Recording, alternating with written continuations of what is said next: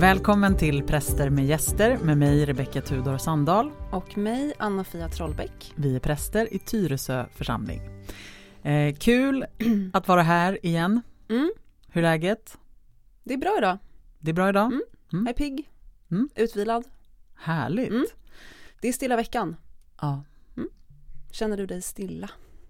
Mm, nej, det gör jag inte. Jag känner mig inte stilla. Nej. Det är ju alltid intressant i relation till liksom den, liksom att gå in i, i liksom stilla veckan och den, den stora påskveckan eh, som egentligen ska just präglas av liksom, eh, eftertanke och reflektion och stillhet och liksom, men det är ju ofta ganska hög arbetsbelastning för oss som tjänstgör i kyrkan. Mm, det Så är att det är ju sällan den här, tycker jag, eh, känslan av stillhet. Men jag kanske är ensam om att alltså, känna att jag inte riktigt har förmågan att landa. Du, Mm. Jag vet inte hur det är för dig, landar du in i påskveckan? Ja men alltså Mm. lite är jag faktiskt i påsken för att jag, eh, firade, jag hade gudstjänsten i söndags. Mm.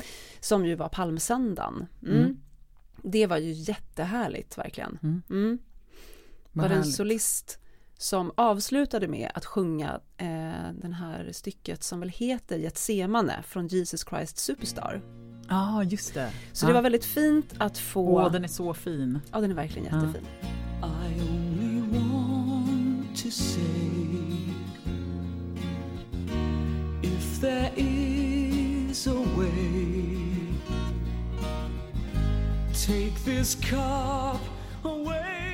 Då var det som att gudstjänsten slutade med att vara i ett semane och det var ju liksom efter palmsöndagen är det ju liksom dit vi är på väg. Mm, mm. Och i liksom verkligen vemodet och i det svåra. Mm. Och det tyckte jag var Mm. häftigt. That's when we started. Then I was inspired. Mm. Viftade ni med palmblad? Nej, det gjorde vi inte. Men då ska man också komma ihåg att Johannes-serien Mm. som vi följer den här påsken. Varje påsk så följer man ju liksom påskens berättelse utifrån ett utav evangelierna. Liksom så att det är sammanhållet varje påsk. Och i år så är det Johannes-serien. Mm. Och texten till palmsöndagen har ju större fokus på det som händer innan Jesus tågar in i Jerusalem och alla står och viftar med palmblad. Mm. Och vad är det som händer då? Då äter han eh, middag hemma hos Marta, Maria och Lazarus. Lazarus som han precis innan har, eller en, en, ganska Mm. nyligen väckt från de döda. Eh, och tillsammans med lärjungarna. Och de här tre syskonen är ju nära vänner till Jesus. Och under den här middagen, eller den här måltiden, då tar Maria en flaska med sån här jättedyrbar olja och smörjer in Jesus fötter Mm. och torkar dem med sitt hår, står det. Och då blir Judas jätteirriterad och så säger han så här, "Ja, men varför har de slösat den här flaskan? Den hade vi kunnat sälja och ge pengarna åt de fattiga. Men då säger Jesus så här, men låt henne vara. Vad hon har sparat av det här till min begravningsdag. Mm. De fattiga har ni alltid bland er, men mig har ni inte alltid. Mm. Och då ni har suttit och läst på om den här texten, jättemycket intressant, jag fick ihop det till slut, så handlar ju det liksom om kärleken, alltså att Maria visar sin kärlek till Jesus. Mm. Och det är liksom den som är i fokus. Och att Jesus säger på något vis som svar till Judas att det finns inget antingen eller. Inte antingen älskar eh, man mig eller de fattiga, utan både och. Mm. Och det är det Maria visar. Mm. Och det tyckte jag var så spännande att tänka att, liksom att vi pratar så ofta om kärlek. Mm. Och kärlek som vi ska ge. Men Jesus tar ju emot. Mm. Och att visa att det där så här givandet och tagandet. Mm. Och att det är någonting nära. Mm. Verkligen. Ja, det var coolt. Ja men starkt, mm. ja men det, det är sant att det, jag firade gudstjänst i bilen i söndags. Mm. Så jag lyssnade på uh, gudstjänsten eh, som sändes faktiskt från min hemförsamling Hägersten. Mhm, kul. Mm. Eh, och det var Marie Kullenberg som är präst i Hägersten som predikade och det var en fantastisk predikan. Mm. Det var en jättefin gudstjänst också. Hade liksom, tycker ju helst inte om att fira just gudstjänsten i bilen men vi hade anledning att eh, Mm. resa precis Mm. på gudstjänsttid. Och då var jag ändå så tacksam över att få till mig. Eh, och, och hon lyfte många olika texter för det var en lite så här Ja, det var lite blandade bibeltexter. Men Mm. den här var ju med som du berättar om. Ehm, och det är sant för att annars är det ju verkligen ofta just fokuset på intåget. Mm. i Jerusalem med liksom palmbladen och eh, Hosianna och liksom eh, Och det bara så härligt och yvigt mm, mm, liksom. mm, mm. Men här kommer the background Mm. liksom, eller vad har precis hänt innan och det, ja men det är bra.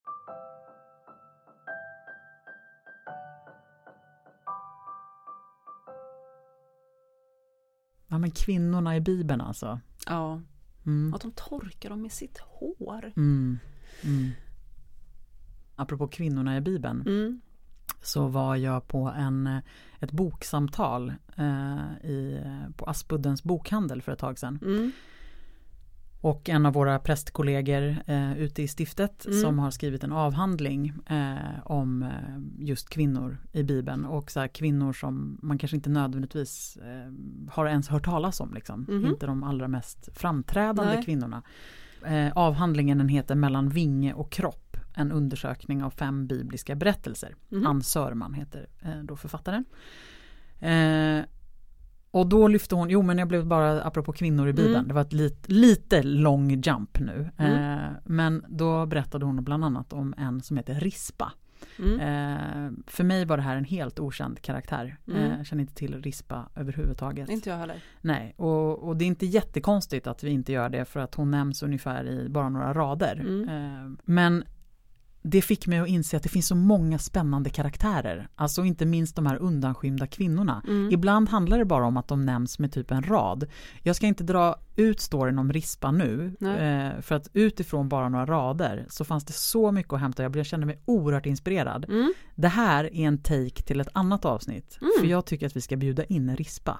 Åh, Så att det här blir liksom som en liten cliffhanger. mm. Men vi har ju sagt att vi också längtar efter att bjuda in ehm, konkreta Ja. personer om en historiska Mm. eller bibliska.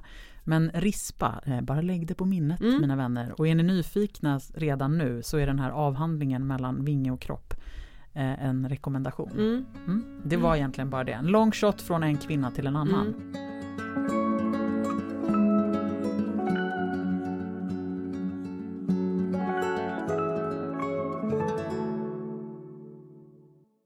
Vi har fått ett brev, Ett lyssnarbrev. ett lyssnarbrev, Ja. mm, som, eh, som vi tänkte att det här behöver vi ta oss an, det här vill vi ta oss an eh, Mm. direkt. Från en lyssnare som, eh, som har skrivit till oss och som berättar om någonting väldigt märkligt som hon var med om i kyrkan nyligen. Mm. Ehm, hennes dotter sjunger i en kyrkokör. Så att det är, mm, eh, det är liksom därför som hon också är i kyrkan. Just det. Mm. Men hon är I, någon, I någon kyrkokör, i någon barnkör, Mm. i någon kyrka, någonstans, i Sverige. precis. Mm. Och nu ska vi backa, nu backar vi tillbaka i tiden några veckor till Maria bebådelsedag. För det är det som eh, vad hände, det, gudstjänsten där eh, gjorde att hon fick eh, frågor Mm. som hon vände sig, som hon tog med och skrev om till oss. Och då, jag berättar vad som hände då. Mm. I mässan på Marie bebådelsedag så gestaltades i kyrkan då bebådelsen, eller alltså då Maria och ängeln Gabriels möte. Eh, och Maria då, som är 13 år, får frågan om hon kunde tänka sig att föda ett barn. Och hon säger nej i den här gestaltningen. Ängeln insisterar och till slut säger Maria ja.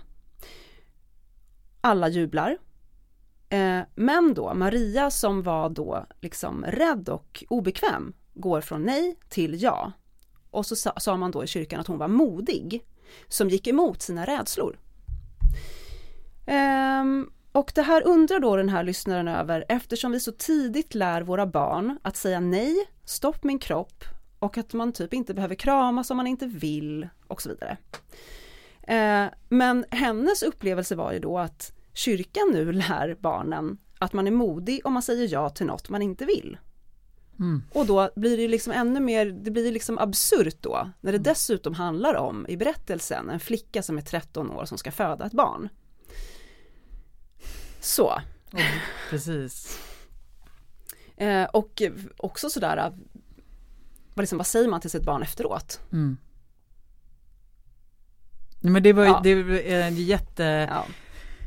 Alltså jag tänker att jag, men så här, tack till dig som har eh, skrivit eh, till oss och, och, kommit med de här funderingarna för att eh, det är ju liksom eh, det väcker så mycket mm. också i mig. Eh, alltså både frågeställningar och hur, ja men så här, just när vi kanske gestaltar mm. Eh, så har vi ju en tendens, vilket ju inte är något konstigt, men vi måste ju ibland också liksom, vad ska man säga, förenkla berättelsen för att vi ska gestalta den ja, i någon typ av dramaturgisk form. Mm. Um, men när vi gör det så kanske vi verkligen förlorar ganska mycket Alltså av liksom berättelsens kärna på något sätt. Ja men eh. precis, också lite som att det är väldigt mycket som jag också tänker, och det här har hänt så många gånger mm. i så modern, alltså man, från 70-talet och framåt mm. i Svenska kyrkan. Att det liksom aldrig har, att det ibland verkligen inte går igenom något filter Nej. av så här, är, ingen har typ ställt sig frågan, är det här liksom lämpligt? Mm. Eller är det här bra? Mm. mm. Vad är det vi säger nu när vi säger de här sakerna? Mm. Ja men precis för att vi också glömmer bort att alla inte har en förförståelse kanske. Mm. Alltså så att vi tror att det vi berättar det ska vara liksom, eh, ja men vi tummar lite på exakt hur det gick till. Eh, för att vi tänker att alla sitter ju ändå där med berättelserna. De vet ju vad det står i bibeln. Mm. Men nu ska vi liksom gestalta för barnen.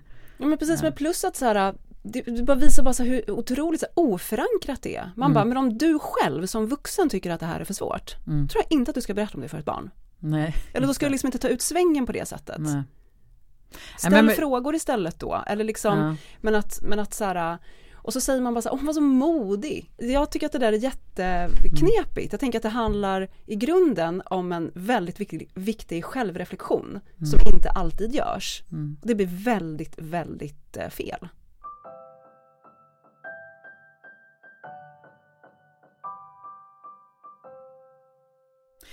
Men då funderar jag på om vi kanske ska ta oss igenom den här historien. Jag vet att vi har gjort det någon gång i poddens eh, historia. Mm. Eh, eftersom både du och jag också har en förkärlek till Maria. Ja men precis, eh, exakt. Så vi kan ha pratat om henne förut. Men mm. jag tänker att gå eh, för att jag tycker att hon, hon, väcker, alltså hon som har ställt eh, eller skickat in det här lyssnarbrevet mm. Eh, väcker också funderingar och gör att jag reflekterar också mm. utifrån hur jag själv pratar om det. För just Marias mod det har jag nog lyft själv många gånger och mm. tänker på henne som en, en, en människa som på något sätt, ja men så här, eh, låt det ske liksom eh, och, och, ställer sig så här, till förfogande för, för Guds mm. uppdrag vilket, och liksom i en som ju måste ha varit ett liksom ja men eller jag menar ett mastodontuppdrag att ta på sig att föda Gud själv liksom. Mm. Eh, jag har dock aldrig lagt fokus på att hon är så ung Eh, alltså att det liksom är ett barn det handlar om i praktiken. Nej. Eh, jag har aldrig problematiserat det på det sättet. Eh, men det gör jag verkligen nu i relation till hennes eh, egen reflektion. Nu var inte vi där och såg den här föreställningen, men, eh, eller gestaltandet av bibelberättelsen, men, men det spelar ingen roll. Alltså hennes upplevelse var ju att det var det här budskapet mm. eh, som, som man fick med sig. Eh, att det är modigt att säga ja även fast det känns som att du vill säga nej. Just det, så typ precis. säg ja mm. eh, för det vill Gud. Mm. Eh, och så det, även om det bara var hon i rummet som tolkade det så, så räcker ju det med att det är katastrof. Ja, det gör det. Eh, och troligtvis var det fler som kanske hörde, mm. hörde det. Precis.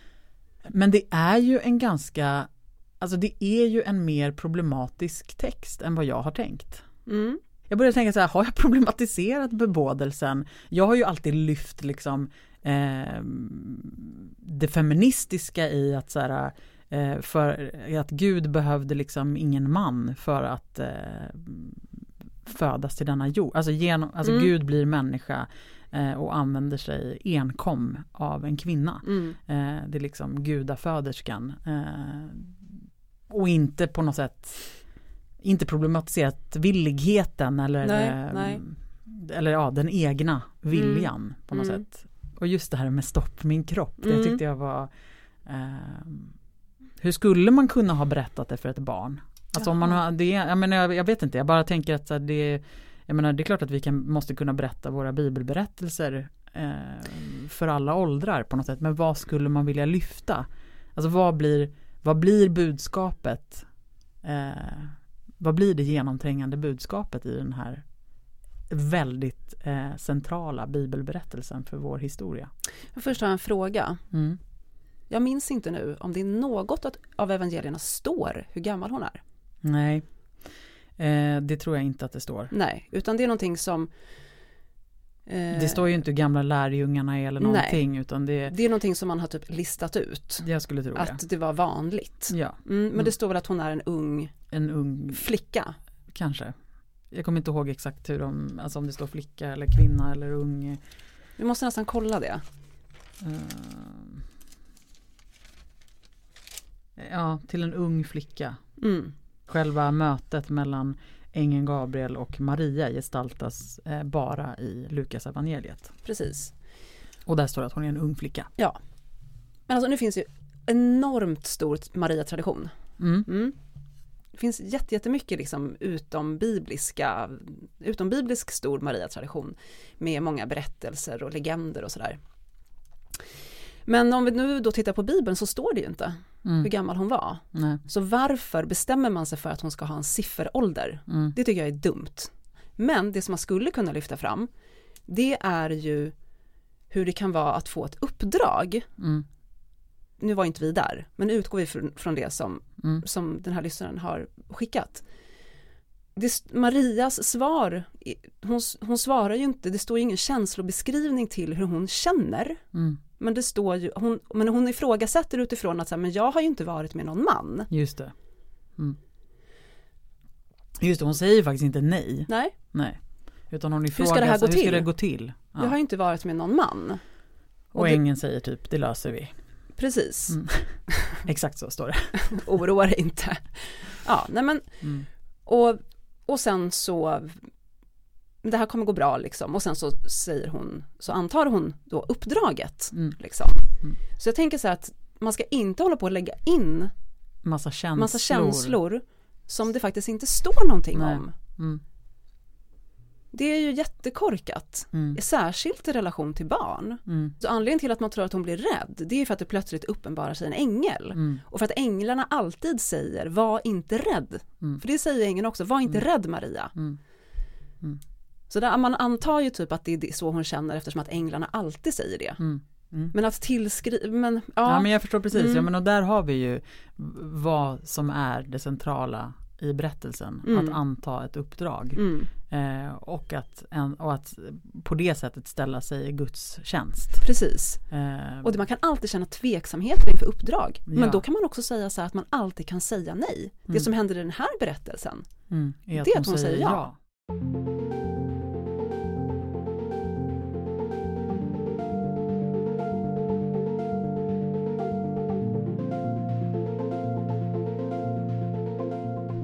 Jag skulle tycka att det var jättesvårt att predika om bebådelsen på eh, för barn faktiskt. Jag skulle Ja. göra en lång, lång tanke, lägga mycket tankeverksamhet på Mm. det.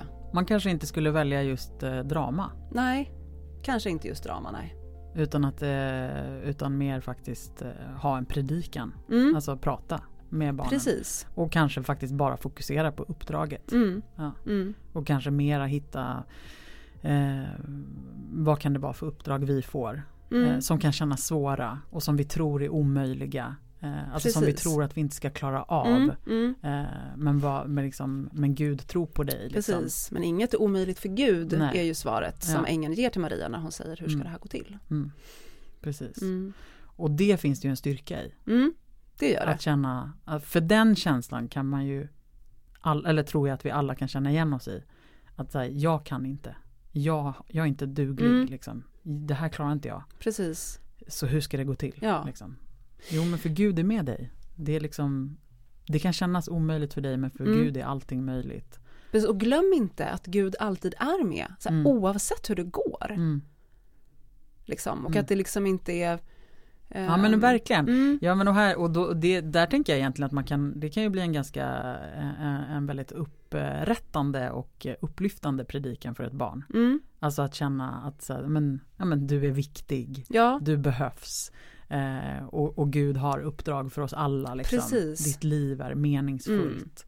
men när jag predikade, det här är ju några år sedan, men då gjorde jag en, ehm, det var när vi hade en utställning här i kyrkan. Jag gjorde ett enormt arbete för den här predikan. Mm. Det var jätte, jätteroligt. Jag träffade en konstnär då som hade en utställning i kyrkan som hade målat ju jättevackra målningar. Olika Maria, eh, som Madonna-bilder liksom. Och, eh, och vi samtalade och båda hade, vi hade båda en väldig fascination för Maria och bytte erfarenheter och kunskaper kring det. Men en väldigt intressant sak som jag hittade under min research då var ju i betydelsen, eller alltså att jag tänkte så här, men det, det är knepigt att prata om bebådelsen för att det är ord här som är svåra att få ihop. Mm. Oskuld och gravid, jungfru och evig moder. Liksom. Och då ordet jungfru. Mm. Då hittade jag ju mycket intressant. Alltså det betyder ju oskuld, en orörd kvinna. Men så har det inte alltid varit. Mm. Utan jungfru då, eller virgin, som ju det är det, alltså, det engelska ordet. det engelska ordet, men alltså det ordet som virgin kommer ifrån då, Mm. betydde alltså singel, ensam, en kvinna som inte tillhörde någon man. En kvinna som var ett med sig själv. Mm. Liksom. Och i traditioner som liksom fanns då parallellt och innan kristendomen så var ju då, var ju då gudinnor som till exempel så Isis, Ishtar, Astarte och Diana. De kallades för Virgin. virgin. Mm. Och det handlade inte om kyskhet utan om sexuellt oberoende. På arameiska betydde ordet jungfru då, eller virgin, ensam eller ung kvinna. Också ingen koppling till sexuell renhet. Mm. Där har du ung kvinna också. Just det, precis. Så att det jag då liksom undrade och på något vis slogs av var så här att jaha, men var det liksom de kristna översättarna som inte kunde föreställa sig jungfru Maria som en sexuellt oberoende kvinna? Alltså det gick liksom inte an för en gudaföderska Mm. och att man då förändrade betydelsen av ordet till en kvinna som är, från att vara då sexuellt oberoende till en kvinna då som är ren, kysk och obefläckad. Mm. Just det. Och det ändrar ju helt klart bilden av vem Maria Mm. är Verkligen. och var. Mm. Och jag kände att jag fick ett sånt där liksom, jag fick sån här helig vrede. Och samtidigt kände jag mig så här typ upprättad och jätteinspirerad när jag liksom läste det här. Mm. Och Vad bara, blev den heliga vreden alltså kring våran historia Ja. och hur det här har berättats men och vad är traderats vidare? Ja. Varför har vi berättat om det på det här sättet? Mm. Varför kunde hon inte bara få vara, alltså hon var ju med Josef, Mm. okej. Men liksom låt henne vara så oberoende som hon då var. Mm. Och ung, vem är det som säger att hon var så här 12-13 år? Och Det är ju i alla fall inte det som är poängen. Nej, det är inte, och det är inte viktigt. Nej. Men det har fått stå ut så mycket Mm. genom historien, hur Mm. ung hon var. Mm. Men liksom, vi var inte där. Mm. Liksom. Utan grejen är ju så här att det är en kvinna som blir utvald och hon får föda Gud själv. Mm. Liksom. Mm. Ehm, det är ett mysterium oavsett. Mm. Liksom. Ja, ja mysteriet Så det är förändras liksom- ju Det inte. så här patriarkala liksom, bara som måste, kan inte, man kan inte, man kan, man bara måste hålla på och bara, vet du det, götta runt i så här att hon var oskuld liksom. Mm. Ja, det har ju lagt ofantligt mycket eh, tyngd och Mm. vikt vid hennes oskuld. Så det här liksom, att bortförklara sex då och kroppen och liksom Mm. allt det där, det är så otroligt viktigt för de här Mm. männen. För vi ska bara vara i intellektet, kroppen är så farlig. Mm. Usch, gud jag blir så provocerad av det. Mm. Det var länge sedan jag hade den här typen, var länge sedan jag var, var inne på det här Maria-spåret faktiskt, men nu känner jag mig lite uppeldad. Ja. Man blir så här varm i ansiktet typ. Ja, Men vad tror du om att vi nästa år eh, kör en eh, teaterföreställning? ja det gör vi. Perfekt. Taget För barn. för barn.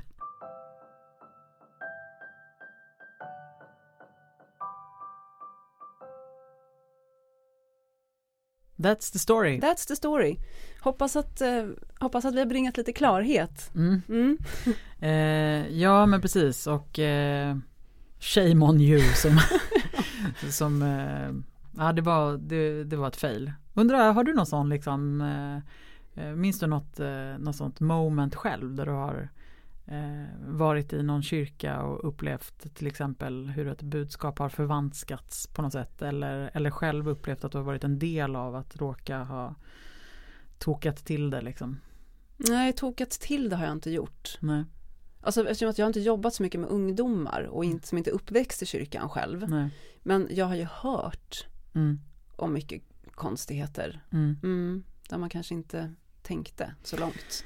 Nej Mm. men precis. Men har du det?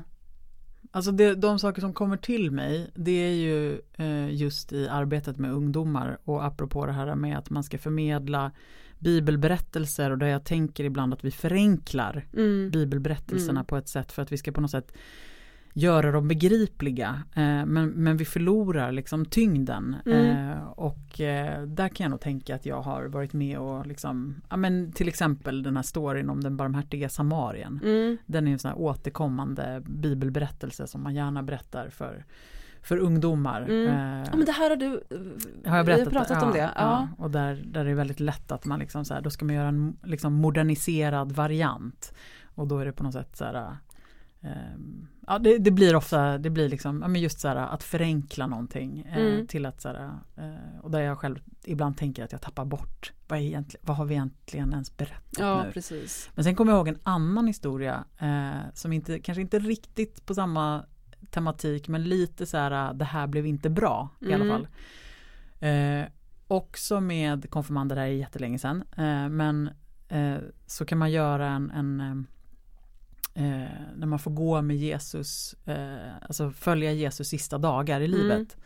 Och det gör man genom en, eh, en vandring där eh, ofta konfirmanderna har ögonbindlar eh, och, så att man ser ingenting utan det liksom blir som en tillitsövning också. Men Mm. man, så får man höra hela bibelberättelsen och det är ofta olika stationer och man får liksom uppleva eh, de sista dagarna eh, utan att se. Eh, Mm. och då blir ju de andra, andra liksom känslo eh, våra andra sinnen blir förstärkta förstås. Just det.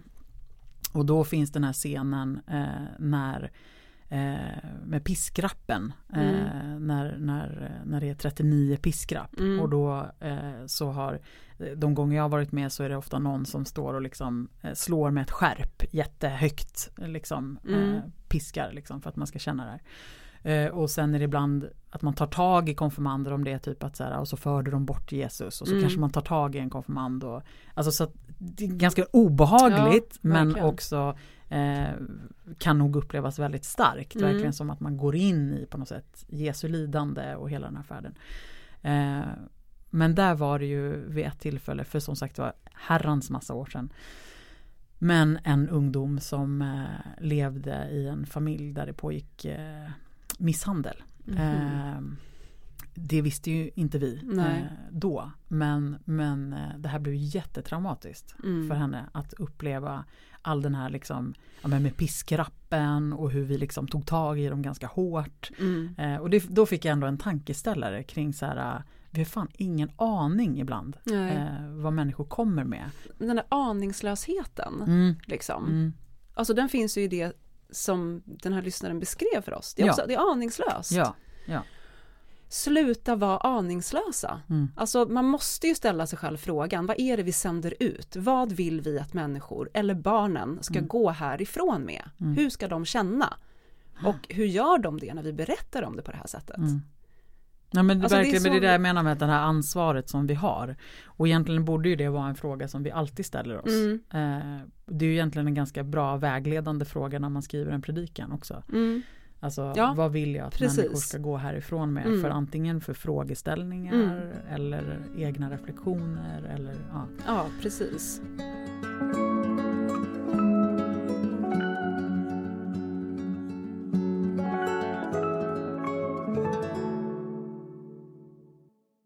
Hur ska du fira påsk? Jag ska jag ska gå på mässan i Storkyrkan på torsdag förmiddag. Mm. Och sen så har jag gudstjänsten här på långfredagen. Mm.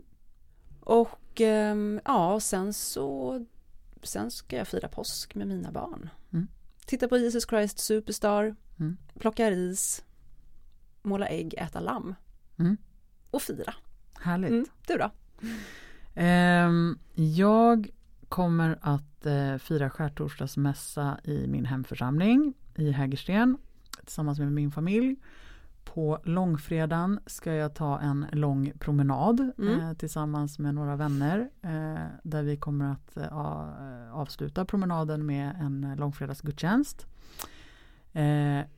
På påskafton så eh, kommer jag faktiskt att ha ett dop. Eh, Mhm. Det är lite konstigt Mm. att eh, det blir på påskafton. Eh, det är ju egentligen, vad ska man säga, dagen eh, som verkligen är så här tomhet och den enda dagen på året då Gud är frånvarande Ja helt och hållet. Gud är död. Mm. Mm.